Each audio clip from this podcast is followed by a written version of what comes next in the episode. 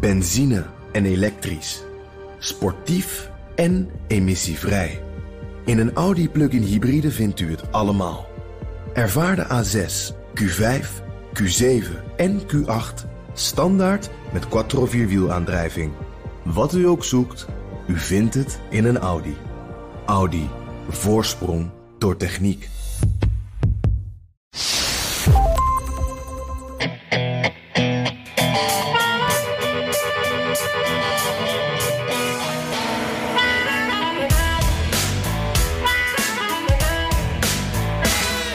Amerika kijkt gespannen naar de rechtszaak van politieagent Derek Chauvin, de man die zijn knie op George Floyd drukte. En juist nu werd in de regio Minneapolis een zwarte man doodgeschoten door een agent. The question is, was it an accident? Was it intentional? That remains to be determined uh, uh, by a full-blown investigation. But in the meantime, I want to make it clear again, there is absolutely no justification, none, for looting. No justification for violence. De agent zou per ongeluk haar pistool hebben getrokken in plaats van een tasergun dat ze wilde trekken. Ze heeft zich zojuist ehm, officieel teruggetrokken, dus ze heeft ontslag genomen. Daar gaan we het over hebben. En ook over de macht van Amazon. De techreus drukte pogingen om een vakbond op te richten de kop in. En dat bespreken we met een heel bijzondere gast. Mijn naam is Bernard Hammelburg vanuit Studio Hammelburg in Amsterdam, wachtend op de laatste prik, zodat ik weer snel kan zeggen: Studio Hammelburg in New York. Ja, precies. Eén gehad, uh, nog eentje te gaan, toch? Nog eentje te gaan. Ja, ik uh, ben Jan Posma. Hetzelfde trouwens, één gehad, nog één te gaan. komende zaterdag komt de tweede. ik zit in Washington DC weer lekker met een kopje hete koffie uit mijn eigen koffiezetapparaat na een weekje afwezigheid. en dat is toch het lekkerste, Bernard. Ja, hè? lekker thuis. Hoewel, je was een week op vakantie. Vertel waar je was en hoe het was. Want in je vakantie zie je, zie je als journalist de dingen toch net iets beter en rustiger en zorgvuldiger en uitgebreider. Vertel. Ja, precies. Nou, dat, dat was hier uh, zeker wel het geval. Want ik was op vakantie in Georgia, in Savannah. Uh, een heel mooie stad, zeg ik meteen maar even. Voor iedereen die al plannen aan het maken is uh, voor na corona en na die vaccinaties. En het tempo ligt daar ook net wat rustiger in het zuiden. Dus dat is ook heel fijn en echt een hele goede plek om zelf ook tot rust te komen. En ja, wat moet je erover zeggen? Dit is zo'n on-Amerikaans mooie stad met, met, met oude wilde. Uh, het, het, is uh, gespaard in de burgeroorlog. Uh, dat zie je overal. Het, het is een heel van die mooie Victoriaanse huizen. romantische parkjes met van dat Spaanse mos dat aan de, de, de bomen hangt. Het is een fantastische plek. En ik moet wel meteen zeggen, ook heel duidelijk die romantische kant die werd gepresenteerd uit die tijd. Dus uh, veel aandacht voor die wilde en die romantiek. En uh, veel minder aandacht voor die slavernij. Want uh, toen ik aan een toertje meedeed in een lokaal museum net buiten Savannah. toen stelde ik een vraag over die plantages. Waarom er in dat gebied zo weinig overgebleven waren. Terwijl bijvoorbeeld dat in Charleston er wel een heleboel zijn. Nou, toen werd die gids, Bernard, die werd meteen boos. die ja. zei van ja, plantages, dat woord mogen we niet eens meer gebruiken. Het, het, wordt allemaal gecanceld. En toen begon hij ook over de My Pillow guy. Hè, die man die altijd op Fox News is. Uh, die die, die uh, kussenmagnaat die aan de kant van Trump ja. staat. Dus toen ging het gesprek ja. meteen helemaal een andere kant op. En uh, over slavernij en plantages wilde hij het eigenlijk ook zelf helemaal niet hebben. Jeetje, jeetje. En, da, en als je nou weet dat je, als je in Atlanta komt en je gaat daar naar de buitenwijken. Dan kun je nog plantages bezichtigen die helemaal zijn geconserveerd, inclusief de, de krotten of de kotten waar de slaven in woonden. Ah, ja, ja. ja dat is een ja. soort museale uh, uh, ervaring. En die worden heel goed onderhouden. Dat krijg je ook. Dus dit spreekt elkaar tegen. En ik vind het ook uh, niet helemaal passen bij het beeld dat ik zelf heb van Savannah. Want ik ken het redelijk goed. Dus ik ben jaloers dat, dat je daar bent geweest. Ik zou dolgraag mee zijn geweest. Wat een heerlijke stad. Het is een beetje stout. Het is in het algemeen liberaal. Uh, uh, het is, ja, zoals jij zei, romantisch. Het is ook artistiek. En je had het nou over die mooie huizen die daar uh, staan. Um, en ik herinner me dat ik op een bepaald moment wilde weten hoe die bouw in elkaar zat. En als je zo'n huis zo, als je het voor je ziet en je voor, voorstelt, dan heb je eh, net als in de Amsterdamse grachtenhuizen, een soort kleine deur uh, op, de, op de begane grond. Mhm. Dat is waar het personeel naar binnen ging. En dan heb je daarboven een echte deur. Een mooie grote, uh, vaak uh, monumentale deur. Met trappen. En dan heb je aan weerskanten. parallel kun je zeggen. Nee, niet parallel. Tegenover elkaar in spiegelbeeld. Heb je twee trappen die naar boven gaan. En dat ziet er architectonisch heel mooi uit. En ik wilde weten waarom twee trappen. En het antwoord was: het is natuurlijk een Victoriaanse tijd. Ja. Wat ik toen vond. Ja, dat was dat de mannen gingen aan de ene kant naar boven en de vrouwen aan de andere kant. Want, want anders zouden die mannen, het was nog in de tijd van de lange rokken, maar dan zouden ze misschien nog wel eens een enkel kunnen zien.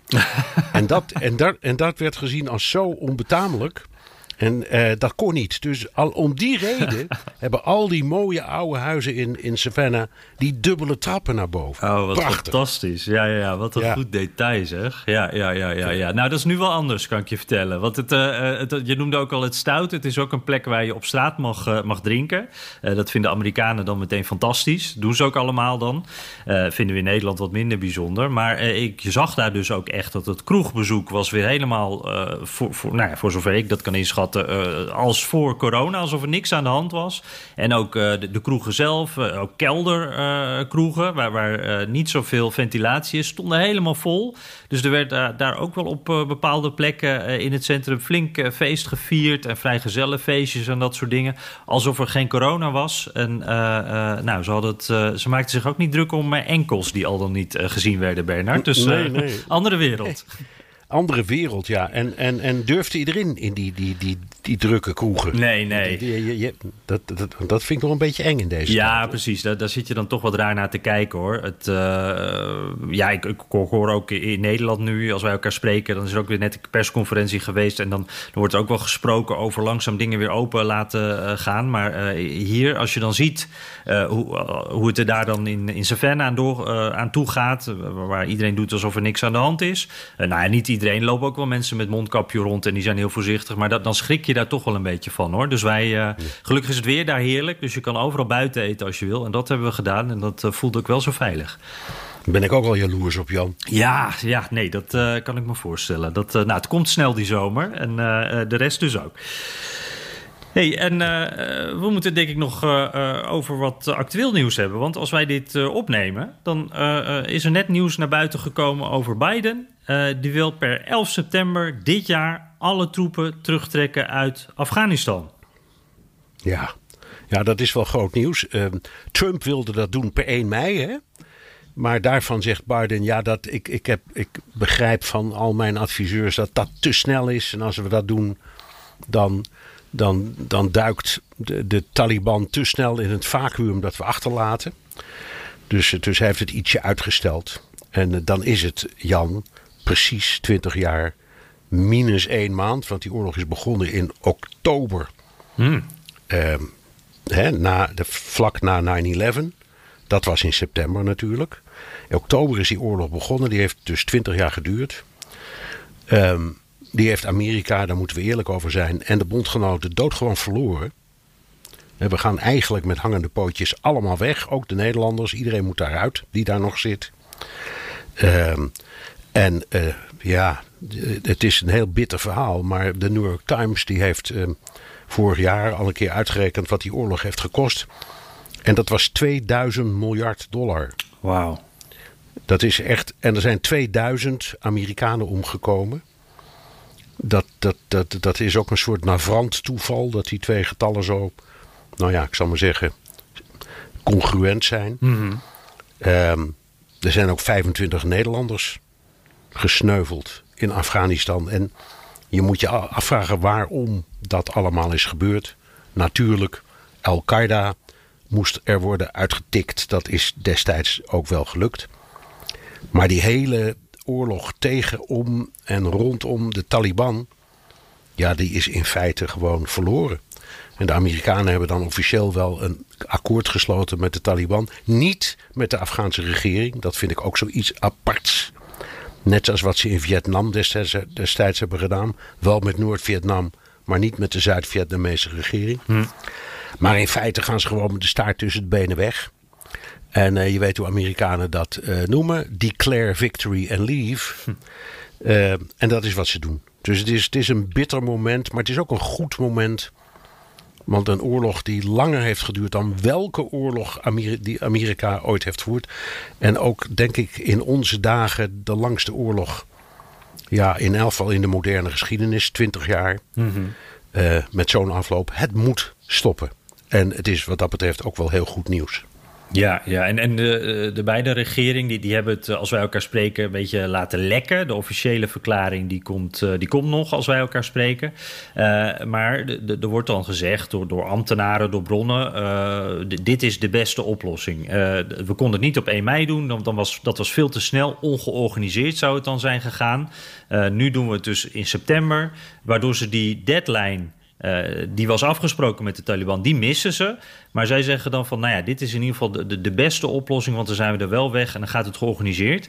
Maar dan denk ik bij mezelf, Bernard, wat, eh, twee dingen eigenlijk. Wat denk je dat de Taliban dan gaan doen? Die hebben eerder gezegd, als jullie 1 mei, als jullie daar overheen gaan, dan gaan wij toch gewoon uh, aanslagen, aanvallen plegen. En, en, daarna, wat, wat de Taliban is gewoon nog, nog sterk, invloedrijk, slagkrachtig daar. Ik hou het simpel, Jan. De Taliban heeft gewonnen. Hmm. Zo simpel is het.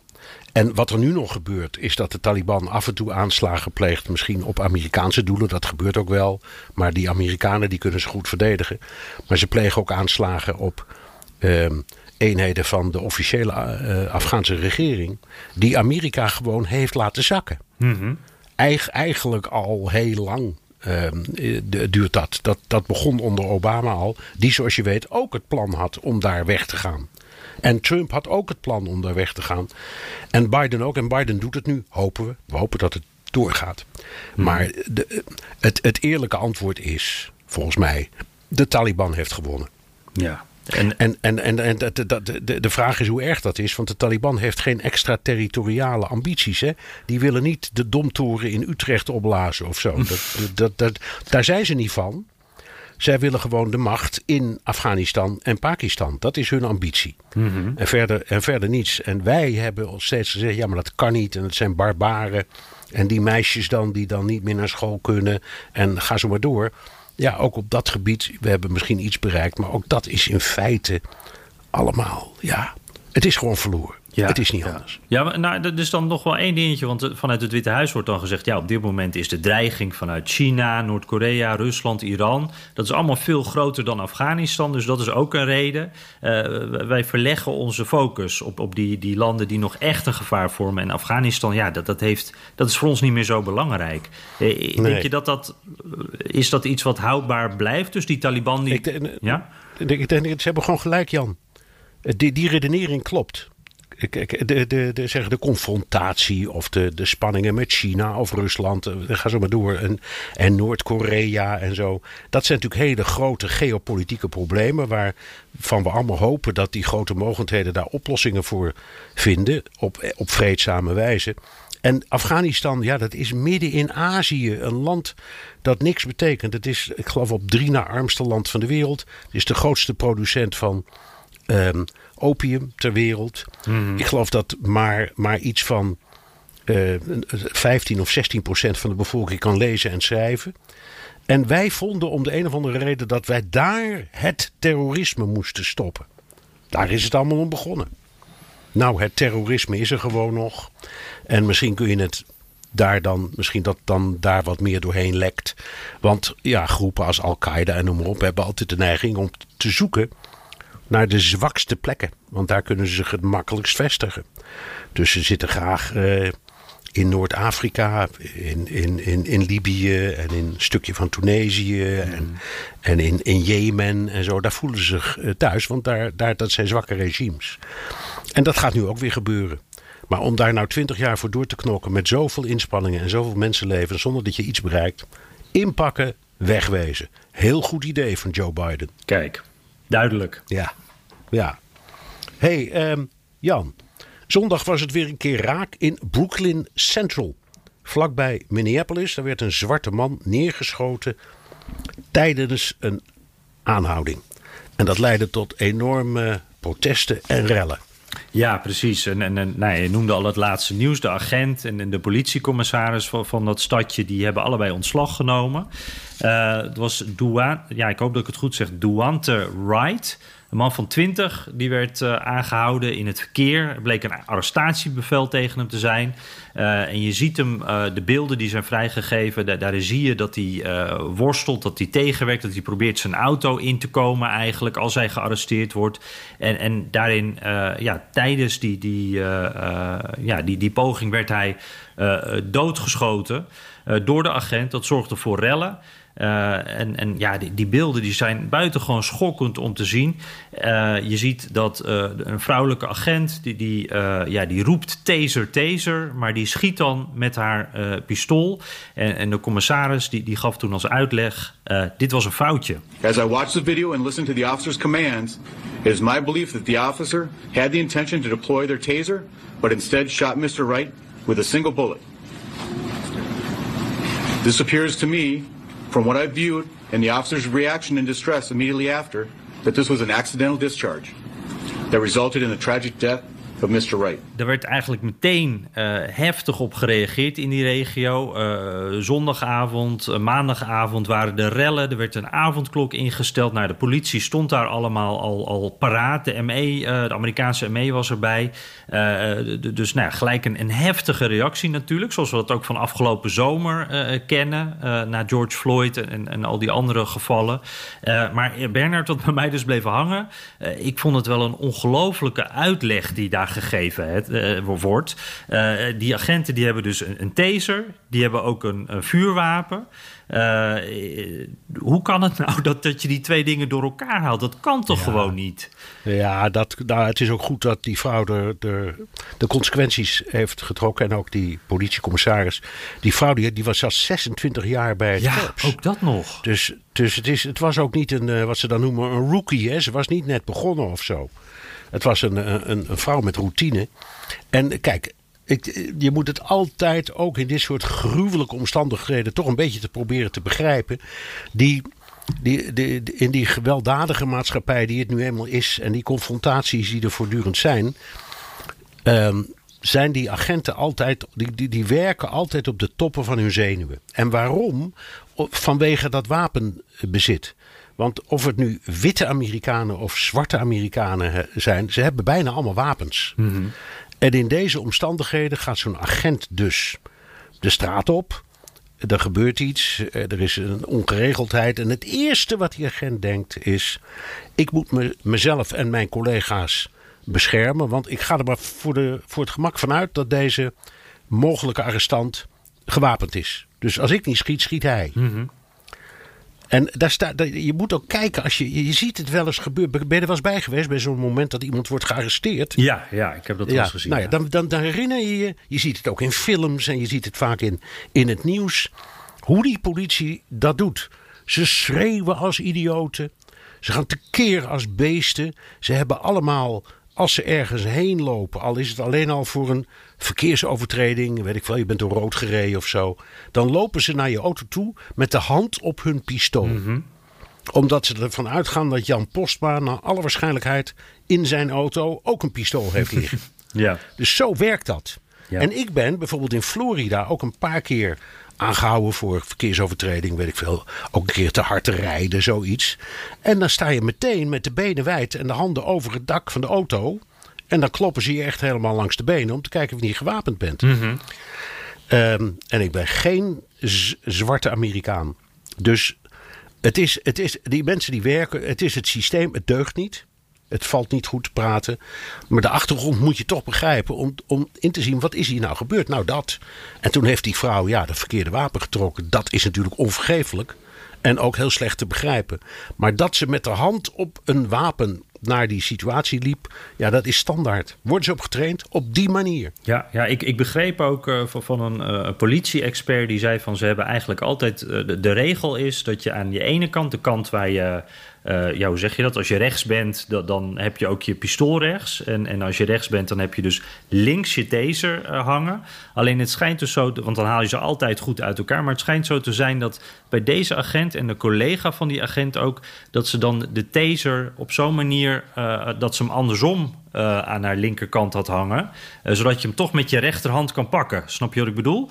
Dus ja, ja, ja, tuurlijk. Het idee is van uh, je houdt ze allebei aan een andere kant. En dan pak je altijd met je link, link, als je rechts bent, pak je met je linkerhand die taser en met je rechterhand het pistool. Zodat je nooit in de war bent. Maar in dit geval hebben ze dan, dragen ze de taser andersom. Zodat ze hem toch met die rechterhand kunnen pakken. En dat daar dan het verkeerd zou, moeten, zou zijn gegaan. Ja, vreselijk verhaal. Ja, zeker. Ja. En het, het, het hing natuurlijk allemaal samen met ehm, wat er in Minneapolis gebeurt vanwege dat proces tegen die man die George Floyd met zijn knie heeft doodgedrukt. Althans, dat is de aanklacht.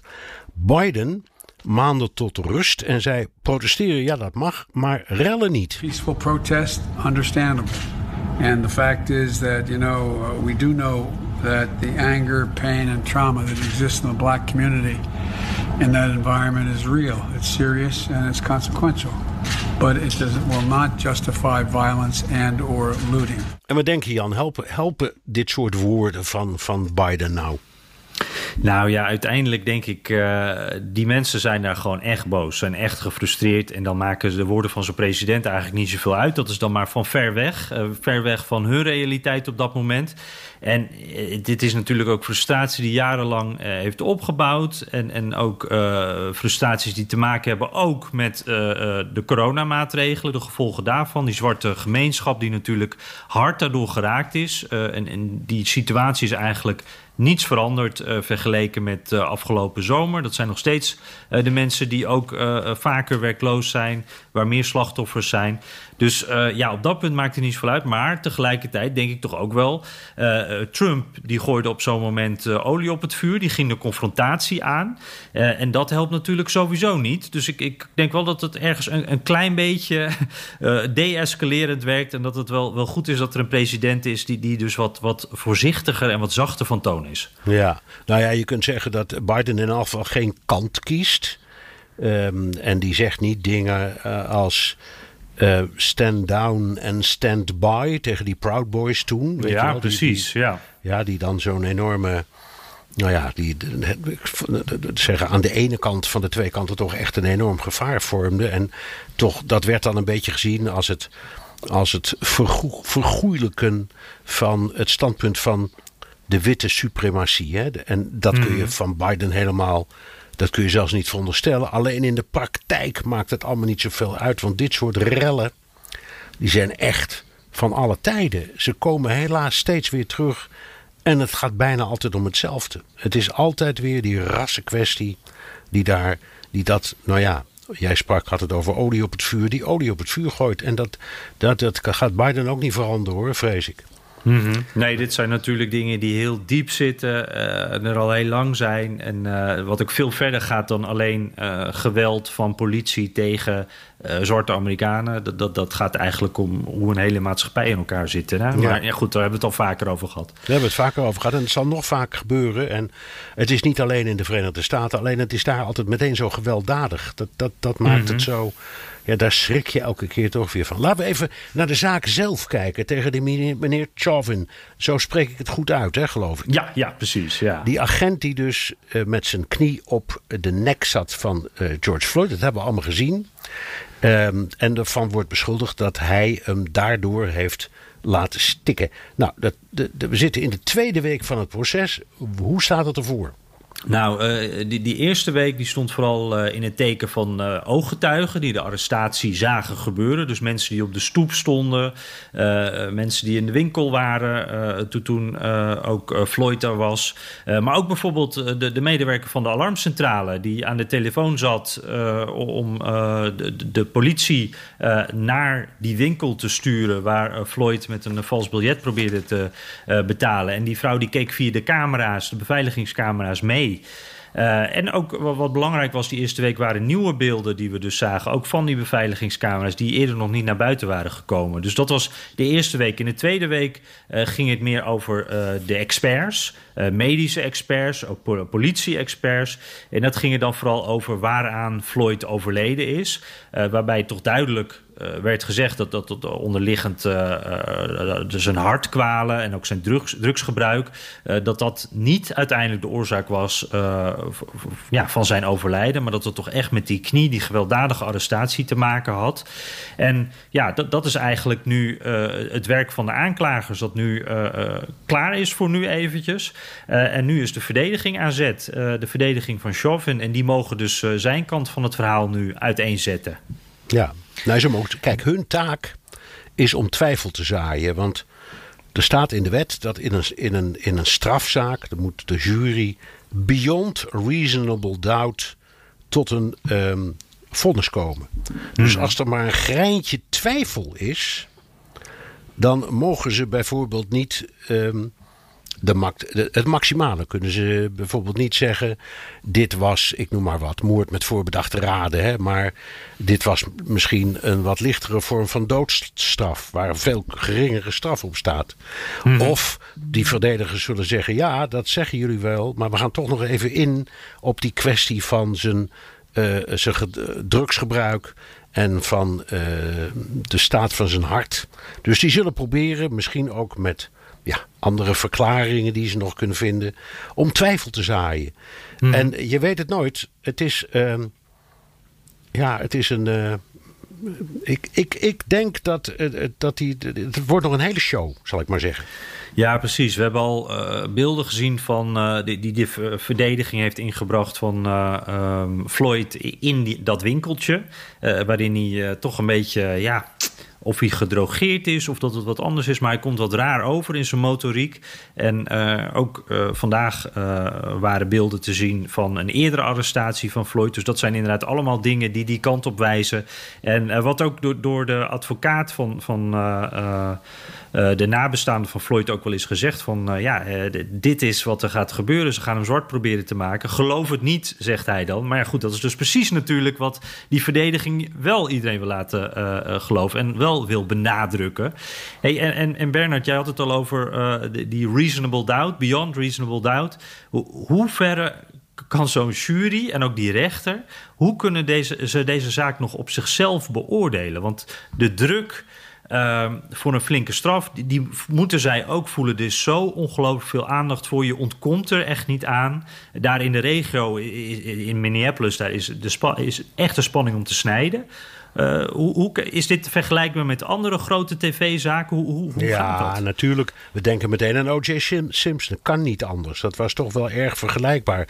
Maar nog even over die, uh, ja, die reasonable doubt en die jury. Hmm. Er is ook een heel gevecht geweest de afgelopen dagen, als ik het goed begrijp, om de vraag of die jury nu al moet worden afgezonderd. Ja, precies. omdat ze anders te veel, ze kunnen zelfs als ze hun best doen, niet uit onder het vernemen of het horen van iets van nieuws. En dat is officieel verboden, dat mogen ze niet. Zolang ze in een jury zitten, dan moeten ze dus een eet op afleggen. Dat ze ook thuis er niet over praten en de televisie niet aanzetten. Nou ja, dat is bijna niet te doen, joh. Dus nou ja, daar is dan nog een gevecht over. En ja, O.J. Simpson, Jan, dat is alweer een uh, dag of wat geleden. Hè. Dat speelde zich af. Ja, wanneer was het? Uh, in 1994 heeft hij zijn vrouw en een, vriend, en een vriend van die vrouw vermoord. En later in het jaar is hij opgepakt. En dat heeft dan tot ergens in oktober 95 geduurd, dat proces. Ja, en dan, dan hebben ze het altijd, hebben ze bij alle grote processen, heet altijd het proces van de eeuw. Dus. Uh, nou, maar dat, was het ook wel echt een beetje. Ja, dat was maar ja, wat, dat was zo'n circus. Ja, wat daar gebeurde was eigenlijk zoiets als dit. Voor Kijk, ik ben toen naar dat proces toe geweest. Dus ik heb een heleboel van die dingen ook in de zaal meegemaakt. Uh, en omdat het zo lang duurde, ja, de baas wou niet betalen voor maandenlang in zo'n zaal zitten. Dus op een bepaald moment moest ik het weer gewoon met de televisie doen. Ja. Uh, en met de radio. Maar uh, waar het om draaide, naar mijn gevoel, was voor iedereen eigenlijk gewoon vanaf het moment dat die zaak begon al duidelijk hoe het in elkaar stak. Uh, het, het, het, het, mes waar het mee was gedaan. Dat was zo'n enorm groot mes. En we hebben nog jarenlang was de grap in, in Amerika. Als je ergens uit eten ging in een steakhouse. En je kreeg zo'n heel groot mes naast je bord. Dat werd dan een tijd lang nog een O.J. Simpson knife genoemd. Dus Ja. ja, kom op. En de, de bloedsporen, eh, de, de, het, het forensisch materiaal. Maar wat heeft die verdediging heel handig gedaan? De allereerste, ehm, nou ja, het, het allereerste onderzoek daar, daarbij was een stagiaire. Ehm, en die had welkeurig van die plastic eh, eh, kappen om, om haar of zijn, dat weet ik niet meer. Ik denk een man was, schoenen. Eh, maar da- daar is iets mee misgegaan. Dus die heeft eigenlijk dwars door de sporen gelopen. Nou, die sporen waren zo over- overweldigend dat een leek denkt: nou, wat maakt dat uit, zeg. Ja. Maar daar hebben ze uiteindelijk toch hem vrijspraak op weten te eh, laten krijgen. Nou, dat waren hele beroemde strafpleiters die daar ook een enorme show van maakten. Dus dat alleen al gaf ook wel een zeker elan, moet ik zeggen. Want dat waren uitstekende, hele beroemde strafpleiters die daarbij te pas kwamen. En dat kon ook, want die O.J. Simpson was schatrijk. Als filmster, als sporter. Dus die had een dikke buidel. Die kon zich dat allemaal veroorloven. En daarna is er een civiele procedure geweest van de nabestaanden van Nicole, zijn vrouw, ook tegen Simpson. En toen is hij uiteindelijk veroordeeld. Dus hij moest wel schade betalen. Want bij een eh, civiele procedure van een persoon tegen een persoon, daar geldt niet dat beyond reasonable doubt. Daar geldt de regel most probably. Dus als je denkt, nou het is hoogstwaarschijnlijk, dan kun je veroordelen. Maar dat mag bij een, bij een strafzaak niet. Dus dat is waar iedereen naar kijkt en aan denkt, zoals jij en ik nu ook. Ja, reken maar dat in heel veel hoofden van heel veel Amerikanen en in elk geval van deze verdachte en zijn eh, eh, verdedigers dit, dit verhaal speelt. Van misschien kunnen we het zo doen dat het niet bewijsbaar is. En dat, zal voldo- dat zal voldoende. Dan wordt hij vrijgesproken. Dan moet hij worden vrijgesproken. Ja. If it doesn't fit, you must it quit, moet ik Zo is denken. het. Ja. Ja, ja maar zo Die is het ook echt. Hey, en dan, dan heb je natuurlijk de, de, de, de Amerikaanse nieuwsstations. Die, ja, toen had je eh, eh, iets wat was net begonnen. Dat heette Court TV. Die zonden alleen maar rechtszaken uit. En die stonden in één keer op de kaart. Want heel Amerika keek naar Court TV. dat was toen de grote zender. En, en ja, nu doen, doen een heleboel andere zenders het ook, toch? Ja, het, het is grappig dat je Core TV inderdaad noemt. Want eh, die gebruiken dit als een comeback. Eh, die, die waren een beetje in vergetelheid geraakt. En, en die, die zenden dit nu ook helemaal uit. En die proberen op zo'n manier dus een slaatje te slaan eh, hieruit. Maar ook, ja, ze doen het allemaal. CNN, MSNBC, al die nieuwszenders, die gaan echt helemaal los. Ik, ik heb op dit moment CNN aanstaan. En ja, de hele dag wordt het uitgezonden. Je kan echt de hele dag doorkijken als je, als je dat zou willen. Ehm wel een opvallende tegenstelling. Fox News, die zendt het amper uit. Die, dat komt wel terug in andere programma's met fragmentjes, maar eigenlijk niets live.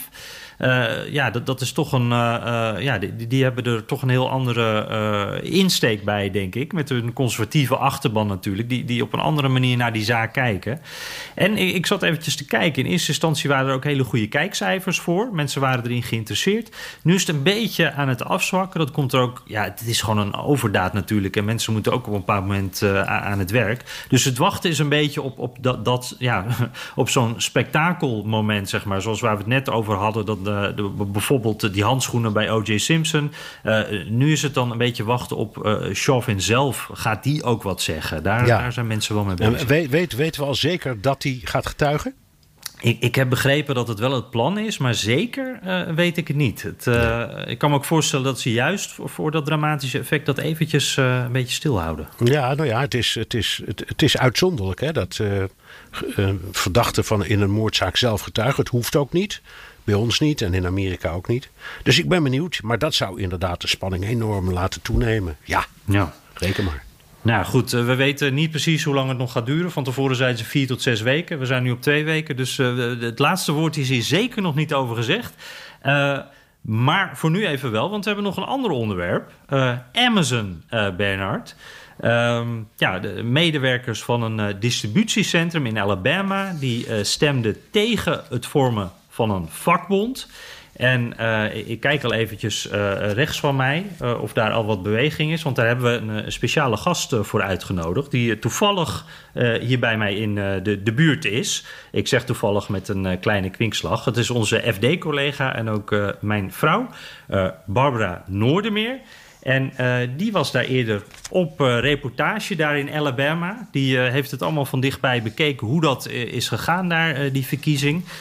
wat trouwens ook enorm lang geduurd heeft voordat dat allemaal voordat er gestemd was, voor, voordat dat allemaal geteld was.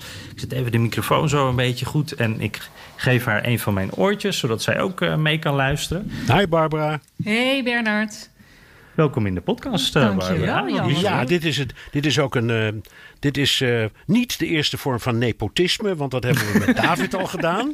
Ja. Maar het is wel uh, de eerste keer dat we een gast hebben. Dus uh, nou ja, de, meer dan van harte ja, welkom in de podcast. Ik voel me vereerd. Ik, ik ja. heb wel alleen een, een, kopje thee meegenomen en geen Ja, dat is, sorry, dat is al meteen meedoen? fout. Nee, fout. Verdorie. Ja, je wordt het format meteen gebroken. Maar wel netjes hier aan de keukentafel, zoals het hoort. Dus dat is dan in ieder geval goed. hey, Barbara. Um, laten we eerst even bij het begin beginnen. Uh, deze stemming die, die werd meteen historisch genoemd. En in heel Amerika werd hier ook naar gekeken. Dit werd echt op de voet gevolgd in heel het land. Waarom was uh, deze stemming over een vakbond zo belangrijk? Ja, dat is eigenlijk wel grappig, want het gaat om een hele kleine verkiezing. Hè? Het, waren maar 5800 mensen die werken bij dit sorteercentrum in Bessemer, Alabama. Dus in die zin verwacht je niet meteen dat het tot een historisch gegeven leidt. Maar wat het natuurlijk zo bijzonder maakt, is dat het van Amazon was. En, en uh, Amazon heeft in het hele land en sowieso in de hele wereld allerlei distributiecentra. Maar specifiek in Amerika is het niet gegarandeerd dat er ook een vakbond bij betrokken is. Dus daar moet over gestemd worden. En dat, dat was hier uh, aan de hand. En de vakbond is niet zo populair in Amerika. Iets van 11% van de Amerikanen is maar lid. Dus als de vakbond een voet uh, binnen de deur kreeg hier bij dit specifieke distributiecentrum. Nou ja, dan zou er wel eens eventjes een balletje kunnen gaan rollen. Een soort sneeuwbaleffect. Uh, als het hier lukt, dan lukt het misschien bij een volgende ook. En dan zou die vakbond wat meer grip kunnen krijgen. Uh, je zag ook dat steeds meer partijen zich ermee gingen bemoeien gaandeweg. Uh, Hollywoodsterren gingen mee campagne voeren. Uh, NFL of NF, de, de NBA-spelers. Basketballers. precies, die, die riepen zich. De aandeelhouders van Amazon die, die roerden zich. Zelfs de president van Amerika ging zich ermee bemoeien. Ik hoef jou niet te vertellen hoe historisch dat is. Uh, tegelijkertijd zag je natuurlijk, was het een soort David tegen Goliath. Zo'n, zo'n, uh, altijd heel veel lef in zich. Die, die werknemers uh, die 15 dollar per uur verdienen tegen de rijkste man van de wereld. Dat, dat trok natuurlijk ook de aandacht. Dat is een hele interessante strijd om dat eens te volgen. En ja, ik denk dat, dat ondanks dat de verkiezing is uh, verloren voor de vakbond, is er wel degelijk winst behaald. Want er wordt nu over gesproken. Wij hebben het er in Nederland zelfs over dat er in Amerika deze stemming was bij die 5800 werknemers van dat ene distributiecentrum in Alabama. Zouden we het anders ook niet zo snel over hebben. Uh, zelfs in het uh, Huis van Afgevaardigden gaat het er opnieuw over. En. en er is ook voor het eerst uh, weer gestemd over een, een, nieuwe wet, de PRO Act heet dat. Um, want de huidige wetten voor arbeiders, die, die zijn al bijna 100 jaar oud. Er is al in 100 jaar eigenlijk niks veranderd aan de werkomstandigheden voor arbeiders in dit land. Nou, ook dat heeft deze verkiezing weer een beetje opnieuw op de agenda gezet. Dus er is heel veel gebeurd. Ja, hey Bar, wat, wat, wat voor reden gaven die, uh, dat pers gaven de mensen, die medewerkers, om tegen die vak, de vakbond te stemmen? Ja, het is best wel gek eigenlijk voor ons Nederlanders, denk ik, om, om een vakbond actief als werknemer buiten de deur te houden. Waarom zou je dat doen? Uh, ik denk dat het er wel mee te maken heeft. Tenminste, ik, ik ben natuurlijk in Bessemer geweest, heb daar met meerdere werknemers gesproken van Amazon. Uh, een stuk of zes, dat is op 5800 natuurlijk steekproefsgewijs niet zoveel. Maar van die zes was er maar één die zei voor te gaan stemmen.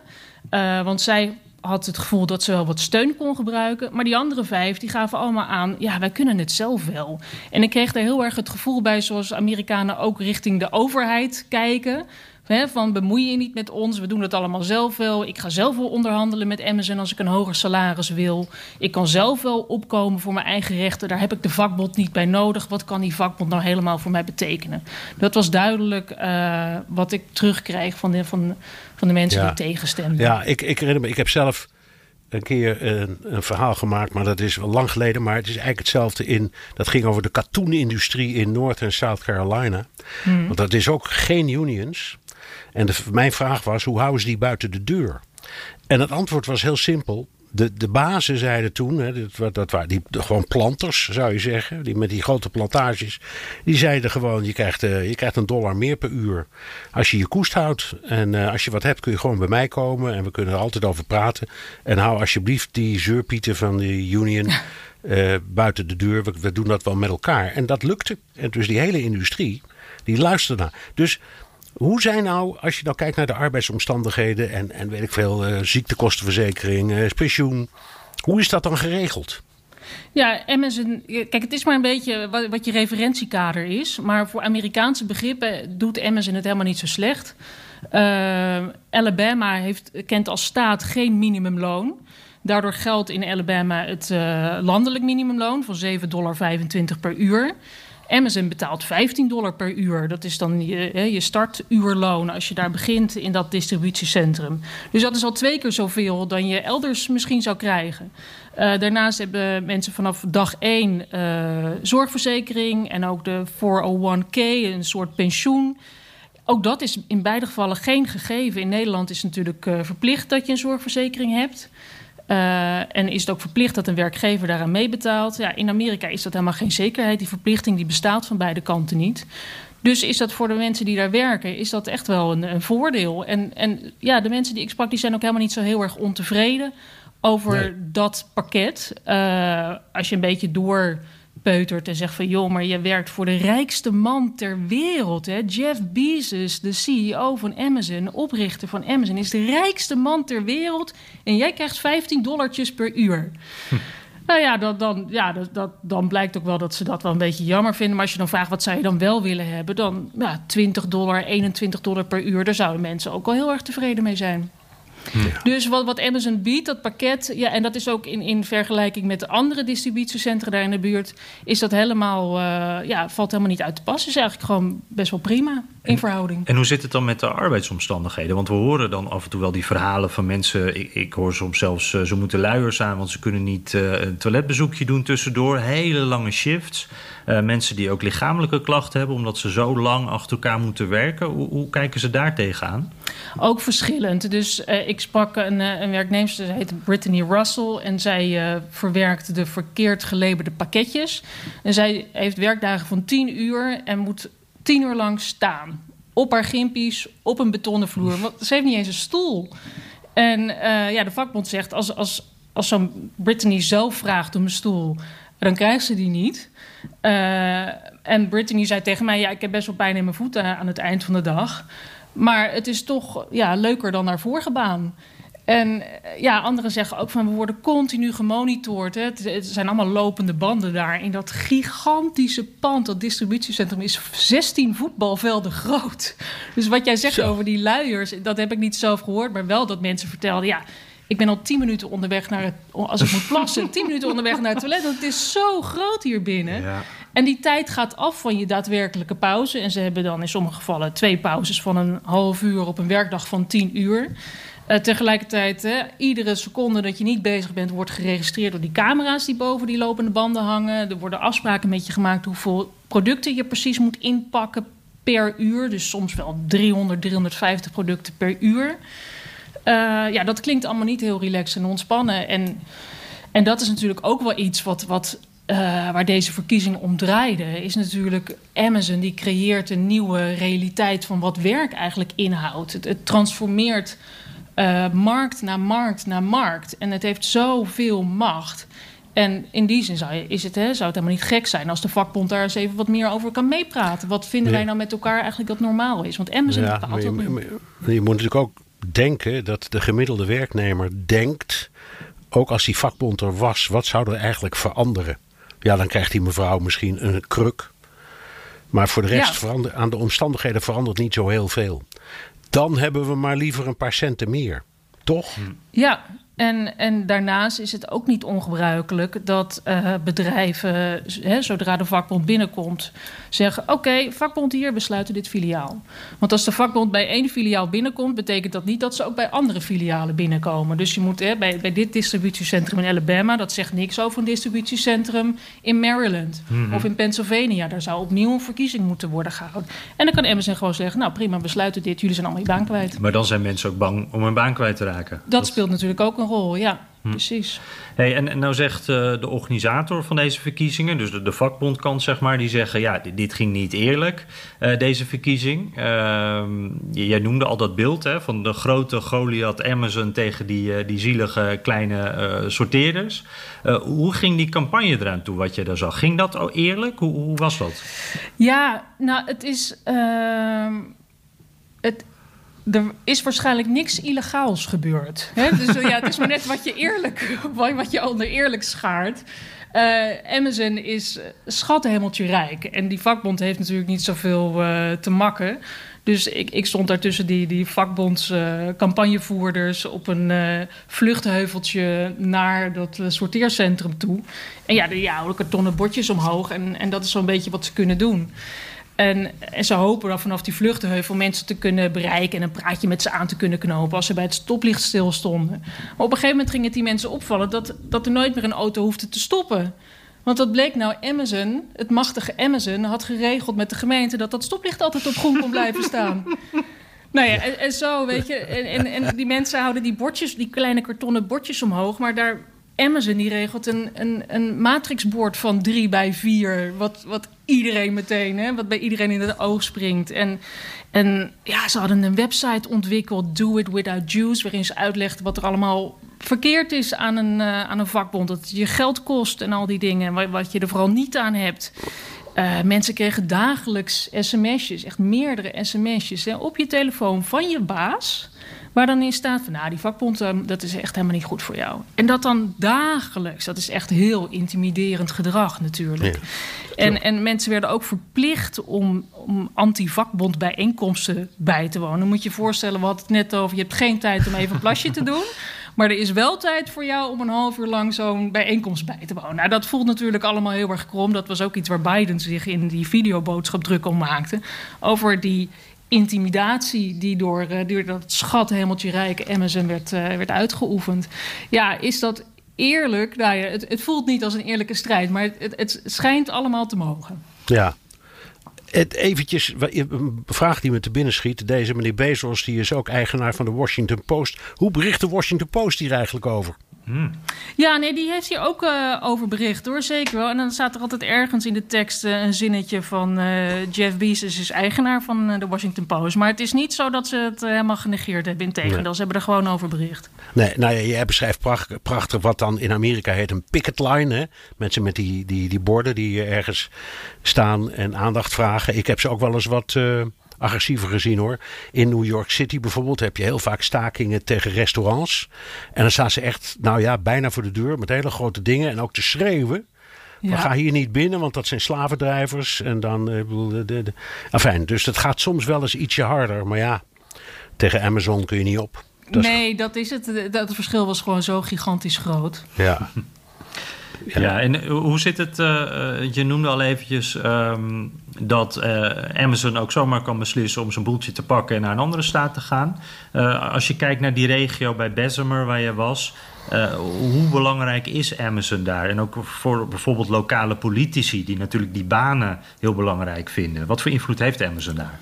Nou, Bessemer, dat is vernoemd naar een, een, een uitvinder, Henry Bessemer, dat is een Brit uit uh, 1800 zoveel, uh, die uitvinding heeft gedaan in de staalindustrie. Dus dat wil al zeggen, het was vroeger echt een een staaldorp. Dat stond heel, op de plek waar Amazon nu staat, daar stond voorheen ook een staalfabriek. En het ging heel lang heel goed met uh, Bessemer daardoor, totdat die staalindustrie massaal naar het buitenland vertrok in, wat was het, de jaren 50, 60 uh, vorige eeuw. En uh, ja, toen zakte Bessemer dus volledig in. Um, tot een aantal jaren geleden Amazon daar aanklopte. Kijk, Amazon die wil zo dicht mogelijk bij de klant zitten om die producten wat ze beloven binnen één of twee dagen te kunnen leveren, moeten ze dichtbij zitten. Dus overal in het land duiken die uh, distributiecentra op. En ja, Bessemer heeft een regionaal vliegveld, dus het is heel goed bereikbaar. Ze hebben daar hele concurrerende kerosinetarieven, dat hebben ze heel slim uh, uitgeknobbeld. Dus Amazon is in dat plaatje neergestreken. En er zijn tegelijkertijd ook ja, andersoortige distributiecentra. Uh, Carvana zit daar, Lois komt daar. Dus er komen heel veel andere bedrijven. Dankzij Amazon. Dat ja, dat heeft het, ja, heeft het andere aangetrokken. Dus het, dat plaatje wat ooit een, een staalplaats was, is nu een soort logistieke hub geworden voor uh, Zuidelijk Amerika. En jonge mensen die ja, voorheen wegtrokken omdat er helemaal geen werk te vinden was, uh, die hebben nu meer een reden om te blijven. Hm. Ja. Hey, uh, Bernard, als je dit dan zo hoort, uh, dan denk ik bij mezelf, ja, dan snap ik wel dat uh, die vakbonden daar niet echt voet aan de grond krijgen. Want zo'n Amazon is ook in die regio zo belangrijk. Maar, maar er spelen vast nog een heleboel andere zaken. Ja, nou, het, het, het, je kunt het bijna niet vergelijken met de vakbonden zoals wij die kennen. Je hebt in de eerste plaats heb je geen um, uh, cao's voor industrietakken in Amerika. Dus wat wij bijvoorbeeld hebben, de, de metaal-CAO, dat bestaat niet. Je hebt alleen maar CAO's voor plaatselijke bedrijven, zoals in dit geval één bedrijf in Alabama wat niks zegt over de rest van de branche of over de eigenaar in dit geval. Hè? Dus die kan in, een andere staat kan heel anders uitpakken. Dat kennen wij helemaal niet. Dus de, die, die, de bedrijfs-CAO, die hadden wij ooit in Nederland ook, maar dat is al lang verdwenen. Die heb je daar nog wel. Um, en het heeft ook heel veel met cultuur te maken, omdat Amerikanen een ander gevoel hebben bij het idee van dienstverband. Dat kennen ze eigenlijk niet. Uh, dus eigenlijk voelt elke Amerikaan, ook als hij in een groot bedrijf werkt of een fabriek, zich toch iets van een eigen ondernemer, een ZZP'er. En als dat bedrijf uh, redelijk betaalt en zorgt voor dingen als, als ja, verzekering en, en uh, pensioen en dat soort dingen, ja, waar heb je dan een vakbond voor nodig? Dat is een beetje wat heel erg leeft. Dat wordt dan gebruikt door werkgevers. Uh, en ik vind een van de mooiste voorbeelden als je kijkt naar de luchtvaartindustrie. Um, die, dat is bijna allemaal union, behalve Delta Airlines. En dat is toevallig ook de grootste en ook toevallig de rijkste luchtvaartmaatschappij, waarschijnlijk ter wereld, maar in elk geval in de Verenigde Staten. Geen vakbond, non-union. Uh, uit Georgia trouwens, uit Atlanta. Daar, daar, daar liggen dit soort nou ja, gevoelens sowieso al heel erg anti-union, ook, ook bij, bij mensen die daar werken. Dus een mooi voorbeeld. Een ander voorbeeld, diametraal tegenover, dat is de United Auto Workers Union. Dat is de, traditioneel de, de vakbond van de auto-industrie. Die zit in Detroit. Die is wel heel machtig en die heeft wel een soort van um, CAO voor de hele branche. Uh, maar die zijn ook, ook zo machtig, want die beheren ook het pensioenfonds. Dat is ook iets wat wij ons niet voor kunnen stellen. Maar dat is daar wel zo. Dus je kunt, bij vakbond denken wij aan iets anders dan een Amerikaan. Een Amerikaan die denkt dat zijn ook de mensen die er lid van zijn, dat zijn vooral de mensen die door een hoop herrie te maken, ja, zorgen dat wij een kruk krijgen als we de hele dag staan. Maar, maar, maar veel meer komt er niet uit. Nee, wat nog wel grappig is, is dat vlakbij dat uh, Amazon distributiecentrum in Bessemer, daar staat ook een Mercedes-Benz fabriek. En dat is de enige Mercedes-Benz fabriek ter wereld zonder vakbond. ja.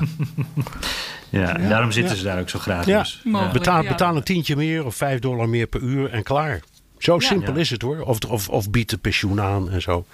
Ja. En dan ben je eruit verloop is ook hoog hè, bij dit soort uh, bedrijven. Dat zie je ook bij dit Amazon-filiaal. Uh, ja. dat, komt er, het is ook heel lastig om steeds te omschrijven hoeveel medewerkers er nou precies zijn. Want het gaat zo snel dat zodra je het opgeschreven zijn er alweer drie weg of bijgekomen. of... ja, ja, ja, ja, het zijn eigenlijk net als de producten, weet je, wegwerpmedewerkers, uh, zeg maar. Ja, nog één, ding, nog, nog, nog één ding, jongens, wat, wat, wat, wat ik nou ook bedenk. Waar het uiteindelijk gaat, om gaat, is natuurlijk gewoon de klant, de consument. Dat Amazon is niet voor niet zo groot. Ja. En, en, en dus je moet ook in de spiegel kijken als je dit soort overwegingen hebt. Hè? Want ik, ik koop ook dingen via Amazon en jullie waarschijnlijk ook. Zeker, ja. ja, ja, ja. Dus, als je, dus als je er al iets van vindt, dan moet je denken: ja, maar waarom doe ik het dan? Nou, omdat het makkelijk is. En tegenwoordig in New York zorgen ze zelfs dat je het op dezelfde dag in huis hebt. Nou, nou, nou. Wie zorgt Ja. daarvoor? Ja, die, die mensen die zich het Lazarus werken. Tien uur lang staand in Alabama. Zo zit het nou eenmaal in elkaar. Ja, maar, maar ook zij hoeven dat niet te doen, hè? Want dat Nee. filiaal is geen gevangenis. Nee, Dus, eh, slavernij is dat afgeschaft. Ze kunnen, Ja, ze, kunnen, ze kunnen eruit. precies. Ja. Nou, eh, dankjewel Barbara Ja, voor leuk deze, dit dit. mooie inkijkje in eh, eh, eh, Alabama en eh, de Amazon eh, distributiecentra daar. Ja. Graag gedaan. hey Jan. Jan, Ja. het is eh, al laat, zo gezegd. Zullen wij naar de luisteraars vragen? Ja, laten we dat. eh, oh, pardon, ik eh, verstel de microfoon eventjes weer. Eh, ja, laten we dat eens eventjes doen. Martin Melis, die zegt: Hallo Bernard en Jan, al, al vanaf het begin een trouwe luisteraar. Eh, wan- tijdens de wandeling, strijken, boodschappen of in de auto naar mijn werk. Dan tussen haakjes, weet je nog, eh, toen dat nog kon? Ja, toen we nog op kantoor zaten allemaal. Ja. Ja, eh, hij zegt: Ik heb drie samenhangende vragen. Met verbijstering heb ik nieuws over de nieuwe wet in Georgia gelezen. Dat ging om de verkiezingen, hè? wat stemmen in de toekomst vrij complex maakt. Ook in de interessante serie De Slag om Texas van Ilke Bos van Rosenthal vorig jaar is daar een aflevering aan gewijd. Hoe kan het dat dit soort wetgeving in een tijd waarin alles in de openbaarheid wordt gedeeld in een staat waar democraten in opkomst zijn, toch wordt goedgekeurd? En hij heeft dan drie vragen. Nummer één. Kunnen de democratisch gekozen sena- senatoren John Ossoff en Raphael Warnock hier niks tegen doen? Die twee nieuw gekozen senatoren. Ja, antwoord is nee. Want die zitten niet in de, eh, in de Senaat in Georgia, maar in Washington. Dus in de landelijke Senaat. Dus die hebben daar geen, geen invloed op. Nee, die eh, zijn dan maar eh, twee van de, de, de, de 50 eh, in ieder geval democratische senatoren die Ja. in dat, die grote malenmolen van Washington. Ja, maar zegt- Washington, Washington gaat niet over de kieswetten in Georgia. Dus ze hebben er sowieso niks mee te maken. Nee. Zijn er ook argumenten voor deze wetgeving te verzinnen? Dat is wel eh, een leuke. kan jij er eentje Eh, verzinnen, Bernard? Jawel, natuurlijk wel. Kijk, dit, kijk het, het- het- naar mijn idee was het hele idee... eh, er is gesjoemeld. Eh, dat is allemaal uitgezocht en was niet aantoonbaar... en is waarschijnlijk ook niet op grote schaal gebeurd. Maar dat gedoe met de post die niet eh, precies goed werkte... het gedoe met allerlei mensen die eh, kwamen stemmen... en zich niet konden legitimeren, want dat hoeft dan niet... Ehm, het gedoe met misschien heel veel stemlokalen op heel veel verschillende plekken. En brievenbussen waar je je stem in kan gooien. Dat zeker de verliezer in dit geval zegt. Ja, we moeten ook een beetje kijken naar hoe het georganiseerd is. En mogen we alsjeblieft vragen dat mensen zich legitimeren. En mogen we alsjeblieft eh, zorgen dat ze. ehm, nou ja, dat dat al een beetje zo is georganiseerd dat, dat je niet op elke straathoek een stembureau hebt, maar dat er wat, wat minder en wat duidelijker en wat beter georganiseerd. In werkelijkheid gaat het natuurlijk om de rijen te lang te maken. En dan ben je strafbaar als je die mensen een flesje water geeft. Dus daar gaat het fout. Maar dat de gedachte van die Republikeinen was: we zijn voor een deel verslagen door wanorde. Daar hadden ze niet helemaal ongelijk in. Ja, ja, ik denk ook dat daar een krachtige boodschap voor democraten in zit voor, voor de toekomst. Eh, ik denk dat alle manieren waarop je eh, het, proces sneller kan verlopen, eh, transparanter kan maken, dat daar echt wel heel veel mogelijk is. En, en ook om alleen al te kunnen zeggen nou, de volgende keer van ja, maar we hebben het helemaal dichtgetimmerd. We hebben al deze extra maatregelen genomen om het veiliger te maken, dat stemmen, dat proces. Maar ja, op dit moment gaat het inderdaad dan om vooral het moeilijker maken van stemmen. En daar, eh, ja, daar heb je in een democratie eh, niets aan natuurlijk. Eh, derde vraag daarbij is ook, gebeurt dit ook in Nederland? Nou, ik, ik geloof niet veel. Er was één kwestie over dat stemmen per post, wat dus bij de afgelopen verkiezingen kon. Ja. Ehm, en daar zijn fouten gemaakt, omdat sommige mensen hun stempas in dezelfde envelop hebben gestopt als een stembiljet. Oh ja, ja. En dan kon je dus officieel, dan kon je zien wie die stem had uitgebracht. En dat mag niet. Dus daar is over gedoe over geweest. En uiteindelijk waren er toch ja, enige duizenden van die dingen ongeldig. Ehm, nou, alleen ik geloof niet dat het boze opzet was. Maar gaan er dingen mis? Absoluut. Zelfs Ja. in een overgeorganiseerd land als Nederland. Ja, precies. In elke democratie eh, eh, gebeurt dat wel. Ehm hey, eh, Klaas-Pieter Rieksen, eh, dat is volgens mij een goede vriend van jou, als ik een dat zo zie. Hele goede vriend van mij. Ja. die had een boodschap voor mij. Die zegt: Jan vergeleek het krakkemikkige, pardon, begin zelf wat krakkemikkig te worden, optreden van Biden op zijn persconferentie met een potje tennis in de seniorencompetitie. Dan slaat Jan de bal haha, echt mis. Want in elk geval in Nederland ben je vanaf 17 jaar al senior. Je hebt ook Senior Plus, dat is 35 50 jaar ouder. Daar val ik dan inmiddels onder. De International Tennis Federation organiseert toernooien voor senioren. Die zijn ouder dan 30. Dus ja, 78 is oud, maar met de definitie senioren heeft het niets te maken. Nee, nou, die kun je in je zak steken. Ja, precies. ik, ik moet stoppen met die sportmetaforen, Bernhard. Ja, want dit, ja, ja, ja. Nou, dat was het ook. Ja, en, en Klaas Pieter is, is een hele geestige man. En die heeft bovendien heel veel verstand van sport en ook van tennis. Dus ik vind het leuk. Fijn dat, fijn dat je reageert, Klaas Pieter. Ja, leuk. Hey, uh, Maribeth Jaken dan. Uh, aangesproken door de conclusie die vorige week werd getrokken. Ik geloof inmiddels alweer twee weken geleden. Dat er weinig vrouwen reageren. Uh, hier bij mijn bericht. Ik luister elke week met veel plezier naar jullie podcast. hoewel de interesse de laatste tijd steeds meer uitgaat naar Europa. En dus ook de Europa-podcast van BNR. Ja, onze collega's die net begonnen zijn met de nieuwe podcast. Hè? Ja, Geert-Jan Haan en Stefan de Vries. Ja, die, het is ook een hartstikke leuke podcast. Zeker. Ook uh, een tip voor al onze luisteraars. Uh, dat is ook zeker uh, iets om aan je podcastroutine toe te voegen. zij, Maribeth, heeft dan ook een vraag voor ons. In verschillende Europese landen, met name Frankrijk, is een groot wantrouwen ten opzichte van vaccineren. Met name met AstraZeneca. volgens mij is Amerika een echt vaccinatieland. Maar hoe is die bereidheid in Amerika? daarnaast, hoe is het nu met alle QAnon-aanhangers? Zijn ze nog actief? Ja. Nou, is die, die eerste maar even, dat vaccineren. Want eh, daar zijn grote tegenstellingen hier. Eh, Zeker. maar, wat ik in ieder geval zie, Bernhard. Om het heel simpel te houden. 25% van de Amerikanen eh, laat zich om de een of andere reden niet vaccineren. En 75% wel. Als ik het goed begrijp. En als je dat dan uitsplitst, dan blijken die tegenstanders dan heel veel witte republikeinse mannen te zijn. Dat is wel zo. Dus dan kom je vanzelf in het tweede deel van het verhaal. Het wantrouwen tegen um, AstraZeneca, dat zal er ongetwijfeld zijn. Er is nu ook de kwestie van Johnson Johnson. Hè, dat is dan mhm. ook stilgezet omdat er ook kwesties zijn van bloedstolseltjes. En dat moet nader uitgezocht. Maar mijn indruk, ik weet niet hoe die jouw is hoor. Maar mijn indruk is uh, dat het zo is. Drie kwart gaat, doet het gewoon. Punt. Mhm. Ja, ik, wat mij de laatste tijd veel opvalt, en dit is uh, gewoon anekdotisch natuurlijk, dit is geen steekproef, maar republikeinen die ik spreek, in, in Georgia ook weer een paar uh, zuiderlingen die je dan spreekt, die dan een beetje, ja, uh, wat geringschattend over corona doen. Hoe gevaarlijk dat nou echt is. En uh, dat, uh, ja, dat, dat alles, de hele maatschappij ervoor stilzetten. Was dat nou wel echt nodig? Het is een beetje aanstellerij. Maar als je dan vraagt, heb je je vaccin al gehaald? Is het antwoord steeds ja. Dus volgens mij denken heel veel mensen toch, baat het niet, schaadt het niet. dus uiteindelijk doe ik het gewoon. Ik doe mij die prik dan maar. Ja, ja precies. Dan ben ik er sowieso vanaf. Ik begreep wel dat de, de beide regering van plan is om ook meer op Fox News... en dat soort media te gaan adverteren voor het vaccineren. Dus dat, is wel heel gericht op die doelgroep. Ja, nou heel verstandig. Ja. ja. Oh ja, en we hadden nog de QAnon-aanhangers. Ja, volgens mij eh, zijn ze er gewoon nog steeds. Ik, kan, ja, ik, ik, ik zou me voor kunnen stellen dat het er misschien wel wat minder zijn inmiddels. Ze roeren zich inmiddels wel wat minder. Uh, maar ze zijn ook een beetje teruggetrokken in hun eigen uh, appgroepjes. Telegram, uh, dat soort sociale media. Dus je ziet ze misschien wat minder op Facebook en op Twitter. En, en op dit moment eh, ook weinig bijeenkomsten gezien.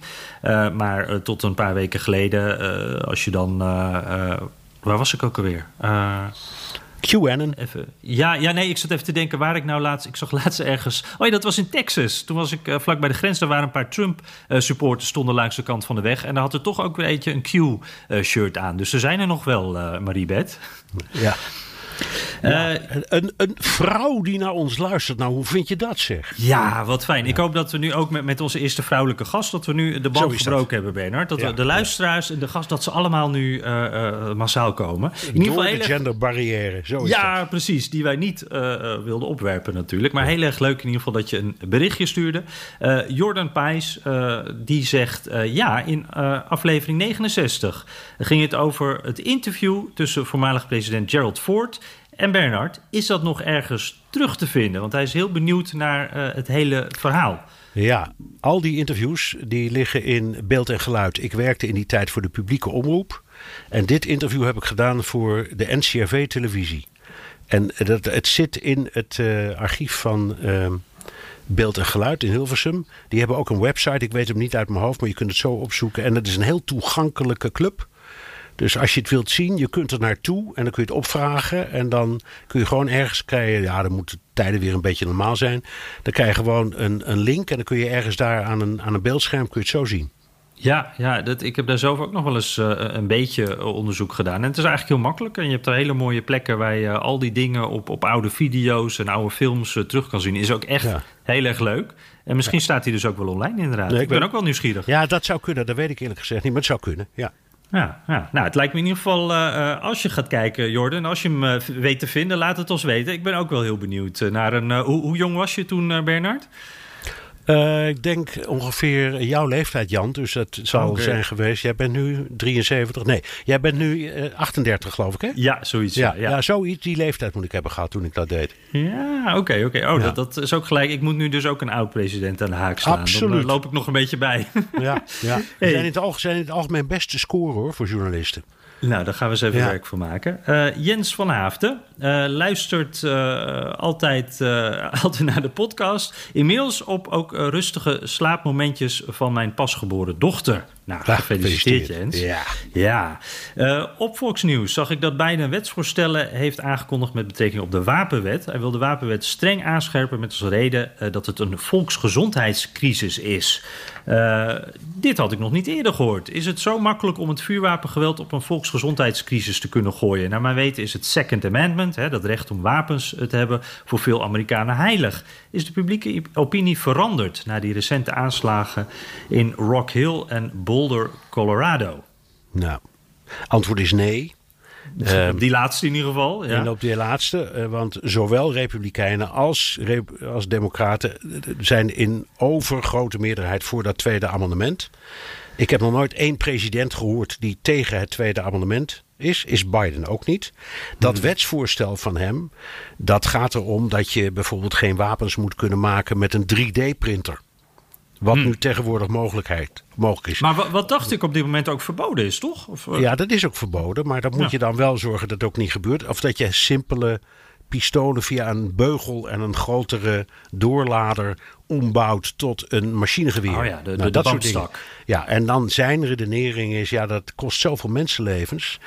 Uh, dat is gewoon een volksgezondheidskwestie. Ik denk niet dat hij ermee wegkomt. Ik denk wel dat deze beperking er komt, want het is heel simpel. Dit is een simpele. En dat doet hij gewoon per uh, decreet. Mm -hmm. Waardoor we dus over, uh, wat is het, 3,5 jaar... als een andere pre republikeinse president zou zijn... die zou het zo weer terug kunnen draaien dan. Ja, je, je kan zeggen, ik vind dat van die 3D-printers onzin. Maar het kan ook best zijn dat een andere president zit... nou, daar zit wel wat in. Je moet zorgen dat niet iedere hobbygroep op een avondje bij elkaar komt... en uh, materiaal in zo'n 3D-printer gooit online gaat om een pistool te vinden... en op een knopje drukt... uh, dat, dat, maakt het wel heel uh, uh, griezelig. Dus daar kan ik me ja. nog wel iets bij voorstellen. Ja, precies.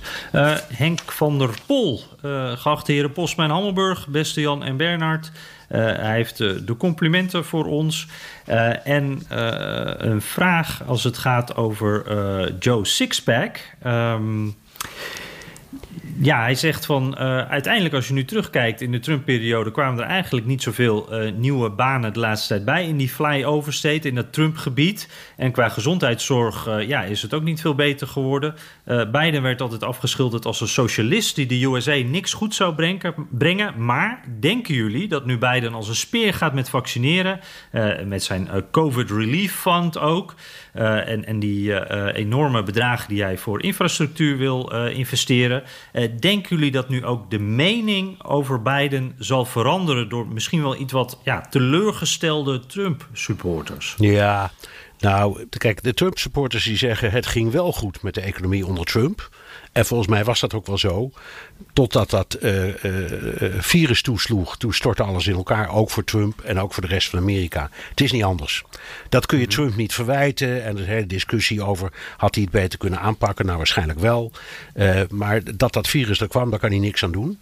en het, de economie ging best aardig. In het Middenwesten viel het inderdaad een beetje tegen. Maar ja, zijn plan was om acht jaar te blijven en het dan voor elkaar te krijgen. En dat is niet gelukt. Uh, mm. wat, Biden, wat Biden betreft, ja, dat, dat, dat, door die vaccinatie um, gaat het hem goed, ook in, in de peilingen en zo. Maar of hij dat. Um, of hij dat infrastructuurplan door het uh, congres krijgt, nou, dat moeten we allemaal nog zien. En eh, daar is, heeft hij ongeveer de steun van de helft van het volk, wat op zichzelf helemaal niet slecht is hoor. Maar dat kan zo omslaan als hij roept, ik, als hij met die enorme plannen komt en hij krijgt alleen maar een paar nieuwe snelwegen eh, eruit. Wat best eens zou kunnen hoor. En dat de rest Mhm. gewoon niet lukt. Ja, dan, dan, dan, dan slaat het terug in zijn gezicht. Maar goed, die discussie loopt. Het gaat om maanden duren.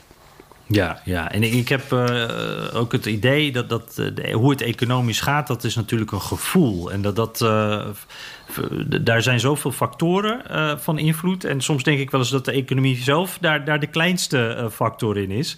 Want als jij met Trump-supporters inderdaad sprak de afgelopen jaren, dan ging het erover hoe slecht het onder Obama ging economisch en hoe goed onder Trump. Terwijl als je die grafiekjes bekeek, ja, was dat een stijgende lijn die doorzette. Eh, nu onderbroken door, door corona inderdaad. Maar het, het is heel erg subjectief hoe het economisch gaat en hoe, wat jij daarvan merkt. En of jij een baan hebt. Ja, je- bovendien, bovendien, we kijken naar cijfers. En ehm, die cijfers zijn overigens heel goed voor de hele wereld. En zeker voor de Verenigde Staten. Hè. Dat, de herstel, dat zit er echt aan te komen hoor. Dus dat, wat dat betreft krijgt Biden de, de, de, de wind, Wind in de rug. rug. Alle- alleen, waar jij het over hebt, gewone mensen... die kijken niet naar cijfers. Die kijken naar de vraag of ze wel of niet een baan hebben. En dat is Mhm. niet meer hetzelfde. Dus het kan best zijn die hele economie het beste goed doet. Maar die, nou, dus daar zit het probleem. En dat is een beleving. Ben ik helemaal met je eens. Kijk. Nou, we moeten misschien in, eh, de, de- als we elkaar zo gevonden hebben, Bernard, en, en tegelijkertijd mijn koffie ook op is, moeten we hem hier dan maar even bij afronden. Ja, dat ja, we de, ja. de vraag ook van Roel Vossen en Victor Boersma en al die anderen even naar volgende week doorschuiven. Even volgende week, tuurlijk. Graag. Heb je recensies nog, Jan? Jazeker, ik eh, pak ze er meteen eventjes bij. Eh, ja, dit was wel mooi. Eh, er zat namelijk een hele mooie tegenstelling in, Bernard. In de twee nieuwe recensies die op, op, iTunes of Apple Podcast, moet je zeggen tegenwoordig, staan. Eerst maar even één ster van Mars B. Die zegt erg gekleurde verslaggeving. Voor objectieve, tussen haakjes niet linkse journalistiek moet je elders zijn. Nou, heel duidelijk. Dan vijf sterren van Marijn 480. Die zegt heerlijk objectieve journalistiek. Beste Jan en Bernard, bedankt voor jullie mooie, denk ik tenminste, goed beluisterde podcast. Hij wordt gelukkig goed beluisterd, daar zijn we heel blij mee. Eh, ik luister hem altijd tijdens het hardlopen en het uitlaten van mijn hond Cody. Maar dat is al ooit benoemd in de podcast. Hij heeft al eens eerder wat gestuurd. Keep up the good work en daarom vijf sterren van mij. Dus we hebben eh, een mixed bag, zeggen ze dan. Van beide kanten iets, Bernard. Ja, nou, dat is misschien ook goed. Oké, terugluisteren kan via de BNR-site, Apple Podcast of Spotify. Heb je vragen, opmerkingen, kritiek of complimenten? Dan kan dat ook met een tweet naar Jan Postma USA of BNR De Wereld. Of heel ouderwets, met een mailtje naar dewereld.bnr.nl. Ja, en dan eh, eh, laat ons ook alsjeblieft even weten hoe je naar ons luistert en waar hond uitlaten eh, op de fiets, in de auto. Vinden we altijd leuk om te horen. En nou, volgende week zijn we weer. Hè? Tot volgende week.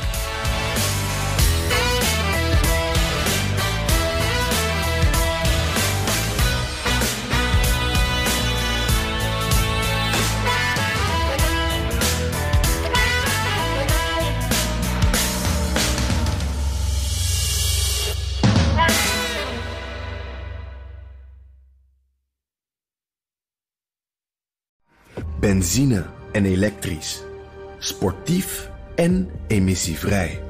In een Audi plug-in hybride vindt u het allemaal. Ervaar de A6, Q5, Q7 en Q8 standaard met quattro vierwielaandrijving. Wat u ook zoekt, u vindt het in een Audi. Audi. Voorsprong door techniek.